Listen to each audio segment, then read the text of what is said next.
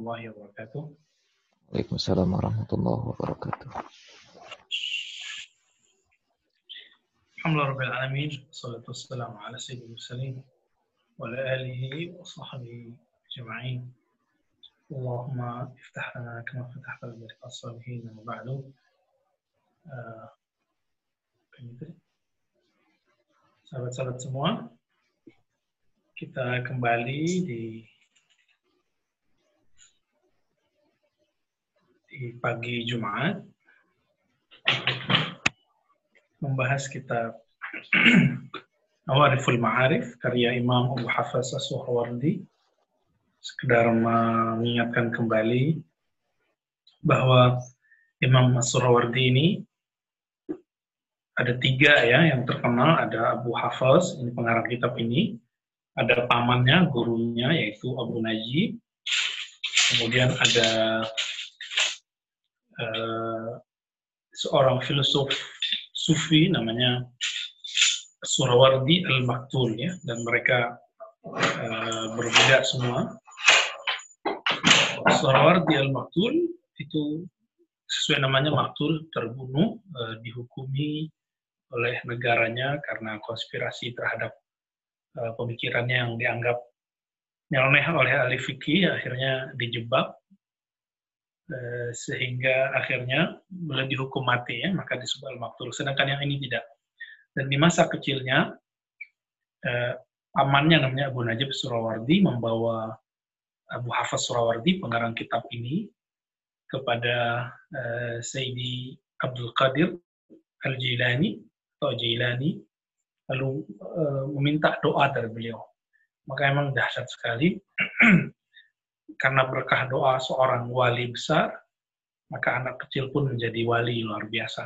Maka hari ini ada yang kita sebut Torikoh Suhrawardiyah, itu adalah Torikoh yang, dikembangkan oleh uh, Imam Surawardi ini, Abu Hafaz yang diambil dari uh, Abu Najib. Ya Abu Najib seperguruan dengan Imam Abdul Qadir Jilani, bahkan mengambil banyak berkah dari dari ilmunya si Abdul Qadir Jilani. Jadi Torikoh ini nggak nggak jauh berbeda sebenarnya dengan Qadiriyah, tapi dia uh, kemudian include-nya di uh, Torikoh Naqsyabandiyah Mujaddidiyah ya. Tapi kalau di uh, apa namanya di daerah lain itu gabungnya dengan khisti, dengan macam-macam torikoh ya. Nah, terlepas dari itu, kita sekarang masuk ke halaman yang 59. Nah, sebelumnya mari kita buka dengan baca surah pembuka, surah Al-Fatihah. Kita kirim untuk Sayyidina Rasulullah, untuk Nabi Muhammad SAW, dan kepada sanat kita terhadap imam ini, wa لمشايخنا ولأساتذتنا أجمعين لهم الفاتحة أعوذ بالله من بسم الله الرحمن الرحيم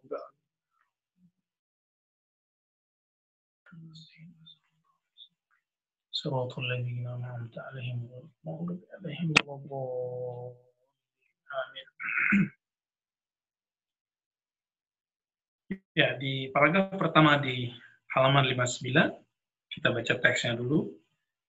وَمَنِ الَّذِي قال المصنف رحمه الله بسند منفصل له ومن الذي يقوم بإحياء هذه السنة jadi sebelumnya kita membahas bahwa sunnah itu ada sunnah kerohanian ada sunnah uh, zahir ya. Sunnah zahir ini diambil oleh ahli fikih oleh uh, ulama kalam dalam bab akliyat kemudian untuk gerakan-gerakan dakwah diambil oleh pergerakan dakwah hari ini. Bolehlah kita sebut jemaat tabligh ya.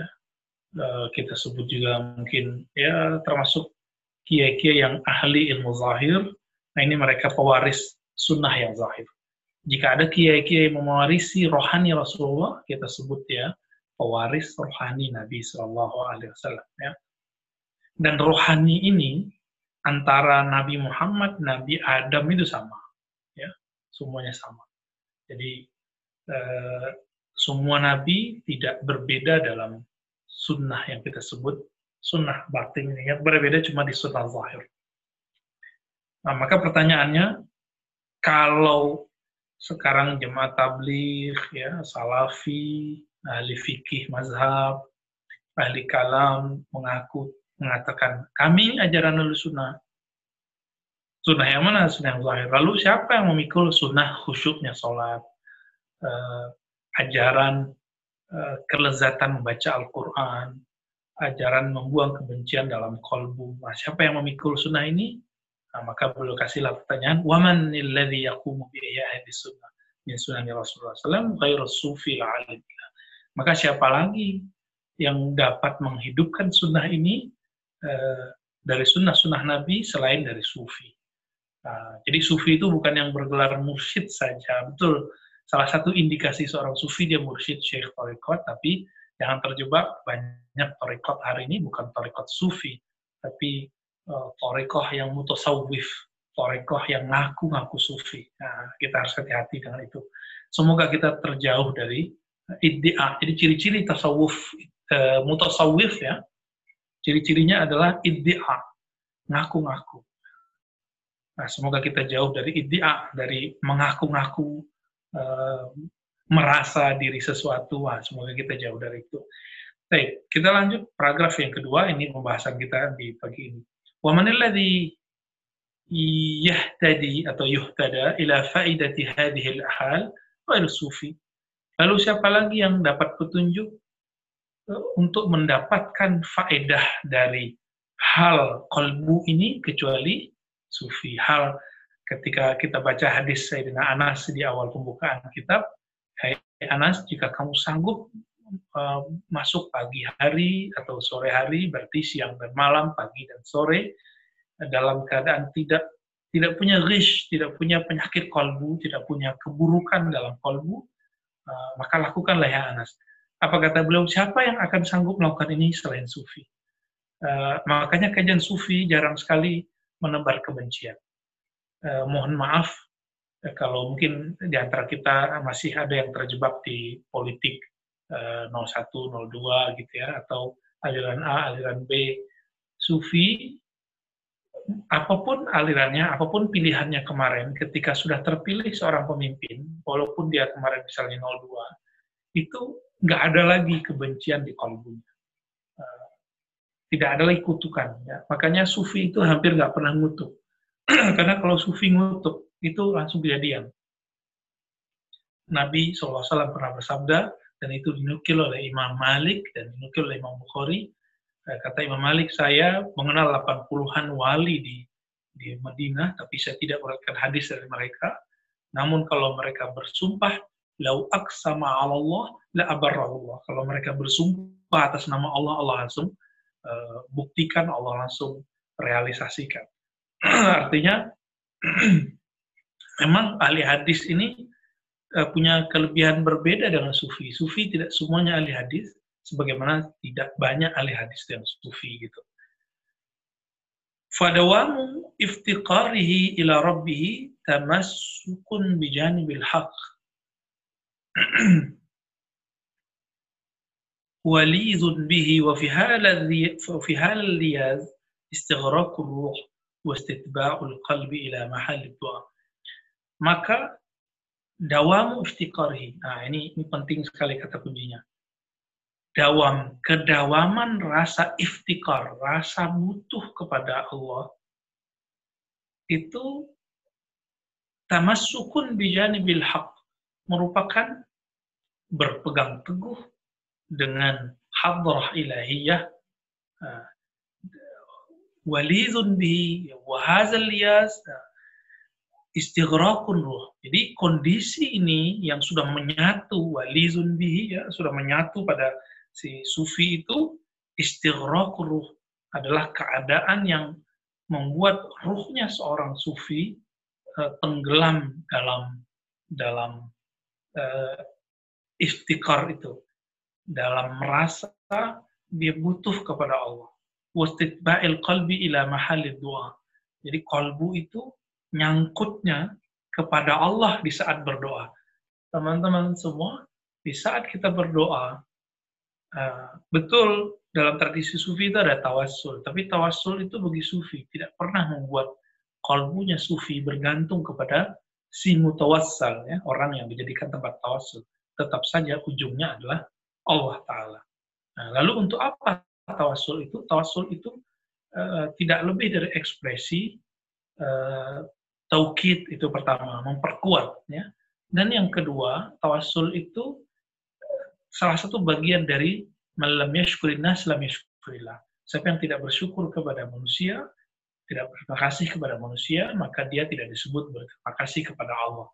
Makanya semua ahli zikir sebelum zikir, walaupun orang bisa zikir langsung kepada Allah, selalu mengirimkan fatihah untuk guru-gurunya, untuk nabi, sang maha guru, dan lain-lainnya. Baik, lanjut. Wa fin qalbi ila mahal du'a bilisanil hal. Uh, tarikan kolbu terhadap kiblatnya doa tadi, nah, itu tempat berdoa tadi itu Allah, itu kemudian diterjemahkan dengan lisanil hal. Lisanil hal ini beda dengan lisan ini ya. Lisanil hal itu eh, kondisi kerohanian.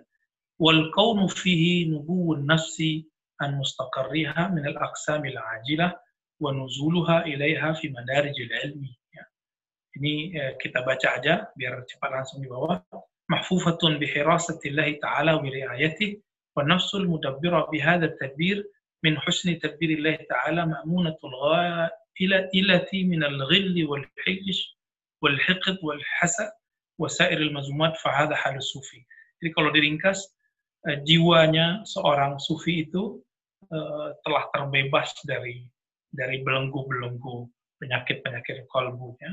Inilah yang disebut hal sufi.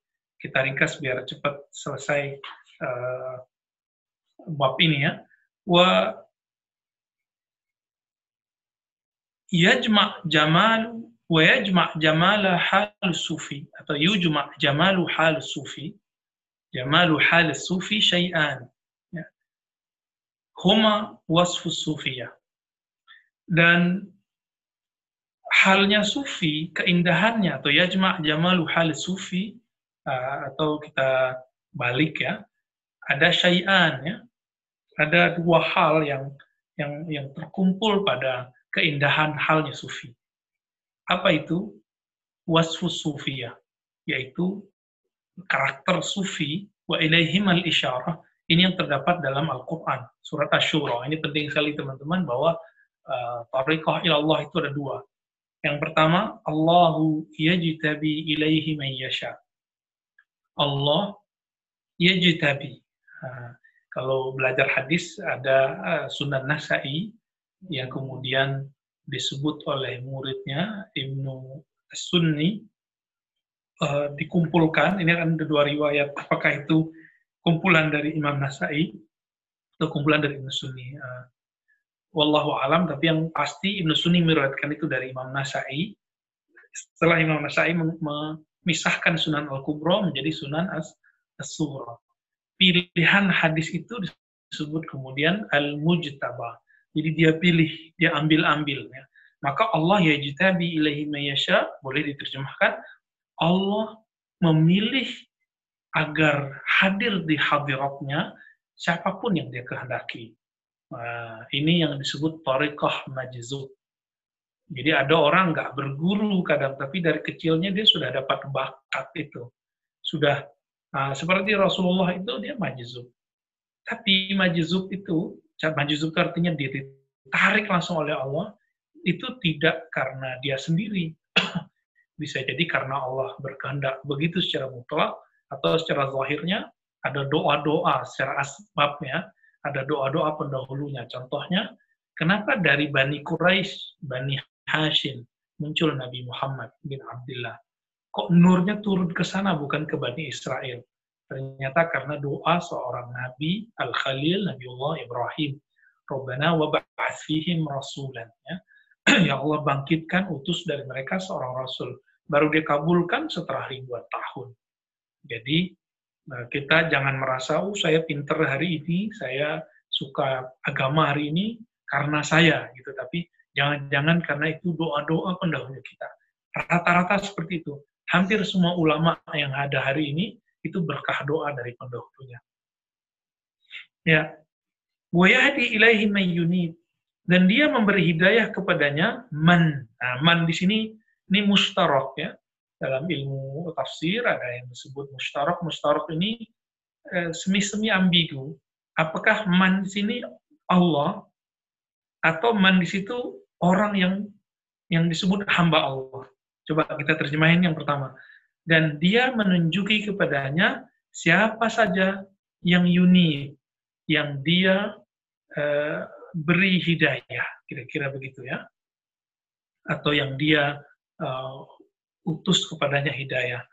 Atau man di situ hambanya. ya Dan Allah berhidayah kepadanya orang atau hamba yang unik, yang mau datang kepada Allah Ta'ala. Lalu kata beliau, apa bedanya dua kelompok ini? Faqawmun minas sufiyah khassu bil ijtiba'is sarf. Ya. Jadi ada sekelompok sufi itu khassu mereka apa khusu atau khusu ya mereka dikhususkan mereka diberi kekhasan keistimewaan apa itu bil ijtiba sarf dengan tarikan murni. Sorf itu artinya murni. Jadi murni ditarik oleh Allah. Jadi mau dibawa ke mana aja dia jadi sufi. Nah, orang-orang inilah yang sebenarnya hakikat yang disebut orang jazab. Kalau di Jawa itu ada ada yang tepat memahaminya di beberapa pesantren, ada yang tidak tepat, terutama orang-orang awam. Misalnya anak kiai fulan itu agak aneh, nyeleneh, itu belum tentu dia majzub atau jazab. Siapa tahu emang orangnya nggak beres karena belajar ilmu-ilmu aneh atau memang orang ini dia majzub. Nah, majzub ini ini dia punya kekhasan ijtibak ya. Tapi sehebat-hebat orang-orang yang yang mujtaba itu dia tetap harus ngaji dari awal kalau ingin menjadi dai atau mursyid atau jadi syekh. Kalau ingin menjadi orang yang bermanfaat untuk orang lain. Kalau enggak itu untuk dirinya sendiri. Ya. Maka doakan keturunan-keturunan kita, murid-murid kita, kawan-kawan kita, dia yajtabi ilaihi, tapi juga yahdi ilaihi. Ya. Dua-duanya dapat. Wa qawmun minhum khusu, dikhususkan, atau khasu, mereka khusus, bisa dibaca dua, bil hidayah.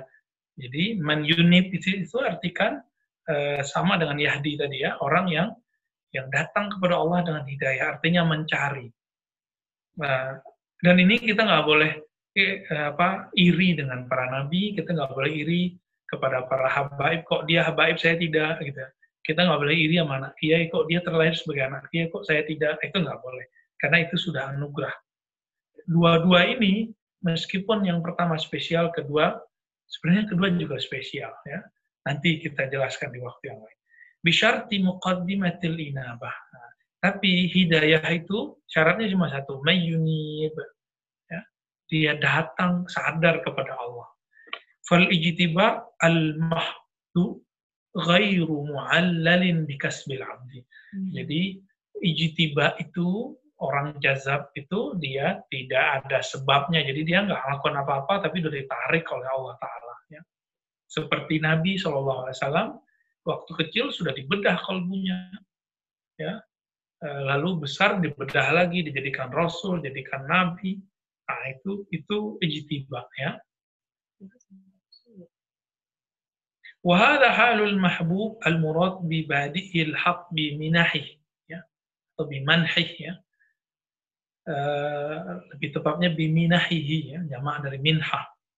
Inilah hal keadaan dari orang yang mahbub, orang yang didapat cinta dari Allah al-murad. Jadi ada murid, ada murad. Orang yang dikehendaki oleh Allah yubadi'uhul haq biminahi. Allah memulainya dengan menganugerahkan minah. Ya, minah itu pemberian-pemberian, anugerah-anugerah, wa mawahib. Nah, maka ilmu itu ada dua, teman-teman semua. Ada ilmu uh, al-mawahibi, ada ilmu al-mawajidi. Nah, ini boleh dihafalkan ya. Ada ilmu yang mawahib, yang Allah anugerahkan dari kecil, eh, nggak perlu belajar nih orang. Nah, ada ilmu yang kita sebut eh, mawajid. Nah, mawahib ini mirip-mirip dengan laduni, tapi nanti ada perbedaannya juga ya. Uh, mawahib itu dia nggak minta iman dikasih iman. Nah dan semua kita dapat ini. Kita nggak pernah uh, kecuali yang mualaf ya. Kita dari kecil itu nggak pernah loh minta jadi mukmin, tapi Allah jadikan mukmin. Uh, min ghairi sabiqatin ya tanpa ada pendahuluan sabiqati kasbin ya tanpa ada usaha yang di, yang lebih dahulu di, dilakukan yasbiqu khusyufa ijtihadih yang lebih dahulu ya. Wa fi hadha akhadha bita wa fi hadha akhadha atau ukhiza bi ta'ifati sufiyah. Nah, inilah salah satu uh, aliran kelompok sufi. Jadi sufinya ada yang begini. Rufi'atil hujub an qulubihim. Allah langsung buka hijab dari kolbunya. Maka jangan heran kalau nanti mereka cerita tentang kewalian, tentang surga, tentang langit, tentang bumi, tentang awal penciptaan alam, uh, nasab rohani, nasab jasmani. Uh, mereka mengerti itu. Zikir-zikirnya syajarat, zikir-zikir nabatat, halayawan, itu mereka mengerti semua. Ya. Wabadarohum sutu'u naw'il yaqin. Ya. Dan uh, cahaya kilauan cahaya yakin itu datang kepada mereka fa asara nazil al hali fihim syahwatul ijtihad wal amal sehingga karena hal itu lebih dahulu datang kepada mereka maka ini membuat ijtihad kehendak mereka untuk ijtihad dan amal itu lebih lebih tinggi. Nah, biasanya anak-anak itu kalau dapat begini waktu kecil orang tuanya bingung, ini anak saya kenapa? Ini anak saya gila atau gimana gitu ya. Nah, seperti Nabi Muhammad disebut majnun. Ya. Ketika orang-orang pada nyembah berhala, Nabi Muhammad nggak mau nyembah berhala. Ketika Nabi Muhammad sama kawan-kawannya main, itu beliau tiba-tiba diambil sama malaikat Jibril, dibuang noda-noda kalbunya. Ya, nah, dan kita ini kebanyakan ternyata yang nomor dua ya, main unik kan uh, bukan yang yuhda alaih tapi yang uh, bukan yang yujtaba tapi yang yuhda. فأقبلوا الأعمال باللذاذة والعيش فيها قرة أعينهم ya. Maka mereka uh, hatinya itu ikbal, minat untuk beramal dengan penuh kelezatan dan aish fiha dalam amalan tersebut sebagai kurratu ain ya. Jadi itulah yang membuat mereka merasakan nikmat hidupnya. Kurratu kurrata ayunihim. itulah yang membuat mereka nikmat hidupnya. Jadi kalau mereka pun nikah, itu karena perintah rohani dalam kalbunya. Kalau enggak, mereka enggak mau nikah. Nabi itu kan orang nanya, kok Nabi nikahnya umur 25? Padahal seorang Amr bin As itu nikahnya umur umur 11 atau 12 gitu ya atau atau sebelum 15 tahun lah. Nah, tapi kok Nabi umur 25 telat? Iya, karena Nabi memang nggak minat sebenarnya. Kalau nggak dijodohkan, nggak mungkin beliau tidak akan menikah. Kalau nggak dilamar, mungkin beliau tidak menikah. Kira-kira seperti itu ya. Kalau diibaratkan dengan kisah ini. Fasahal al-kashfa, itu Allah memudahkan kasyaf, atau boleh kita sebut fasuhil al-kashfu alaihim al-ijtihad. Kalau saya lebih tertarik baca fasahal al-kashfa alaihimul ijtihad. Maka ijtihad, kemujahadahan mereka, kesungguhan mereka bermujahadah, memudahkan uh, kasyaf, penyingkapan rohani terhadap mereka. Teman-teman semua, kasyaf itu, kasyaf ya, atau kasyif, oh, itu bukanlah orang-orang yang yang selalu melihat langit dan bumi, tapi kasyaf hakiki adalah yang selalu memandang aib pada dirinya. Kama sahala على سحرة Fir'aun lazazata wal aisha fihi. Sebagaimana itu terjadi pada penyihir-penyihir Fir'aun ya. Nah, itulah yang menyenangkan mereka ya. Lalu uh, begitu juga ya. Fasahal al-kashfa alaihim al-ijtihadu kama sahal ala saharati Fir'aun lazazatan nazil lahum min saffi al-irfan tahammulun وعيد فرعون فقالوا قالوا لن نؤثرك لن نؤثرك ma ja'ana min al-bayyinat ya. Qala Ja'far As-Sadiq. Langsung ke bagian ini. Berkata Maulana Imam Ja'far As-Sadiq. Imam Ja'far As-Sadiq ini anak dari Muhammad Al-Baqir. Muhammad Al-Baqir anak dari Zainal Abidin, yaitu Ali. Ali Zainal Abidin anak dari Hussein. Hussein ini punya banyak istri, tapi yang yang hidup anaknya, anaknya ada banyak yang lahir, tapi yang hidup cuma satu, yaitu Ali Zainal Abidin yang terkenal dengan sholatnya setiap hari al-Farqa'ah ya, seribu rakaat. Ini cucunya yaitu Ja'far, disebut Ja'far al-Sadiq atau Ja'far bin Muhammad bin Ali bin Hussein bin Ali bin Abi Thalib. Ya.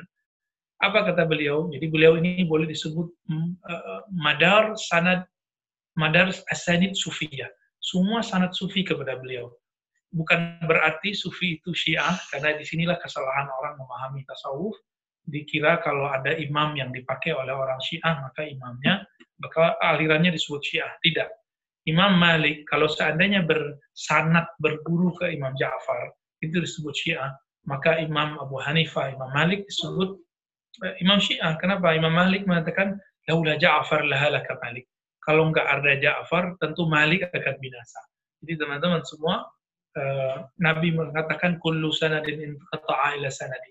Semua sanad akan uh, terputus kecuali sanadku Eh, maka sanat semua sanat keilmuan baik itu fikih itu hadis itu akidah kalam semuanya melewati jalur Maulana al-Imam Ja'far as-Sadiq uh, salam. Boleh kita baca alaihi salam pada ahlu bait ya. Atau kita baca uh, Qudus Suruhu atau radhiyallahu taala anhu uh, tapi saya kurang respect menyebut rahmatullah alaih karena itu untuk orang ulama biasa wajadu arwahal inayatil qadimah bihim. Nah, jadi menurut Imam Ja'far as-Sadiq, sekelompok sufi itu wajadu, mereka mendapatkan arwahal inayah. Roh-roh eh, di situ bisa dapatkan spirit-spirit, spirit-spirit inayah. Inayah artinya bantuan. Al-qadimah bihim. Inayah-inayah yang berlalu. Yang berlalu di sini bisa dua, bisa yang berlalu dari pendahulu mereka. Atau inayah al-qadimah ini inayah di masa qadim. Yaitu Allah telah menetapkan mereka uh, Allahu yajtabi. Allah memilih nama-nama mereka.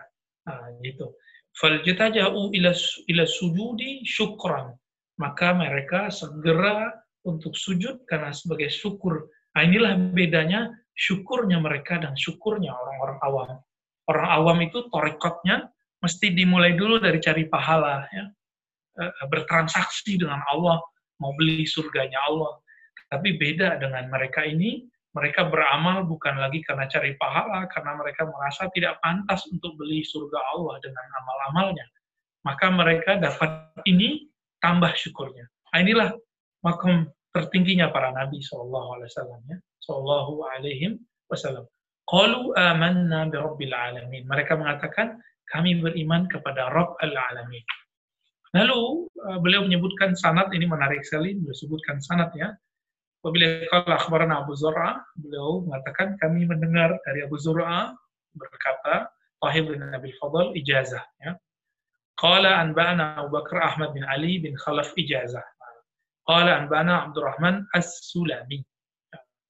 Jadi eh, antara beliau dengan Imam As-Sulami, Imam Sulami ini murid terbaik Imam Daruqutni dalam ilmu hadis dan ilal hadis. Cuma karena beliau nulis kitab ikut Tafsir dalam tafsir Isyari, tafsir Qalbu, akhirnya beliau dituduh zindik oleh beberapa mujassimah, kelompok-kelompok uh, yang ekstrim. Jadi dari dulu sudah ada kelompok mujassimah. Jadi teman-teman siap-siap saja kalau udah ngaji tasawuf, nanti dianggap zindik dan sesat oleh orang-orang yang ekstrim. Uh, jangan takut karena kita nggak beramal untuk mereka. Kita beragama bukan ingin disebut ahlul Islam, ahlus salaf, uh, apa orang manhaji gitu. Kita nggak kita nggak bermaksud itu ya. Uh, Qala sami'tu Mansuran, aku mendengar Mansur yaqulu sami'tu Abu Musa Az-Zaqqa. Aku mendengar Musa Az-Zaqqa uh, berkata, Sami'tu Abu Said Al-Kharraz. Abu Said Al-Kharraz ini disebut imam ahli tauhid. Ya. Walaupun uh, tidak disebut tauhidnya ahli kalam, tauhidnya ahli qalbu. Yaqulu ahlul khassati allazina humul muradun. Ijtabahum maulah. Orang-orang yang khawas itu, jadi ahlul khassah, orang-orang yang khawas itu, yang spesial itu, allazina humul muradun. Mereka itu bukan murid. Murid itu yang berkehendak mencari hidayah. Tapi mereka muradun. Mereka dicari oleh hidayah. Allah lah yang mencari mereka. Ini ibarat seperti uh, kita punya uh, anak buah, karyawan, atau kita punya anak. Uh, karyawan itu cari bos, tapi kalau anak nggak pulang-pulang, kita yang cari.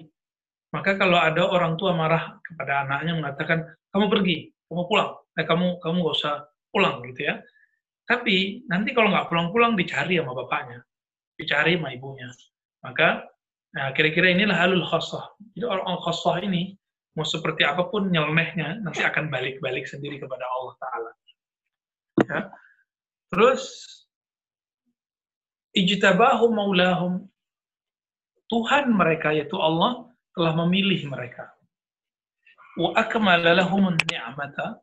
Allah mencurahkan nikmat bagi mereka, wahya alamul karamah dan menyiapkan kemuliaan bagi mereka fa'asqata anhum harakat harakat talabi maka Allah gugurkan dari mereka harakat at-talab. Jadi eh, pergerakan untuk mencari. Mereka nggak perlu nyari lagi. Ya. Jika secara jasmani biologis ada seorang anak kaya tidak perlu bekerja lagi untuk mendapatkan fasilitas maka kira-kira seperti itulah. Anak rohani itu juga seperti itu. Mereka dijemput oleh arwah al-qadimah itu ya, atau inayah al-qadimah, bukan arwah al-qadimah ya. فصارت حركاتهم في العمل والخدمة على الألفة والذكر والتنعم بمناجته والانفراد بقربه. Sehingga gerakan-gerakan amal dan khidmah mereka itu terhadap ulfah dan zikir, terhadap bermanja-manja kepada Allah dan zikir, wa tana'um bi munajatihi wal infirad bi qurbihi itu uh, mereka menjadi ulfah wa zikir ya. Mereka sangat jinak kepada Allah selalu zikir kepada Allah uh, wa tana'um bi munajatihi dan merasakan nikmat munajat. Teman-teman semua kenapa kita belum merasakan nikmat munajat sholat? Mungkin kita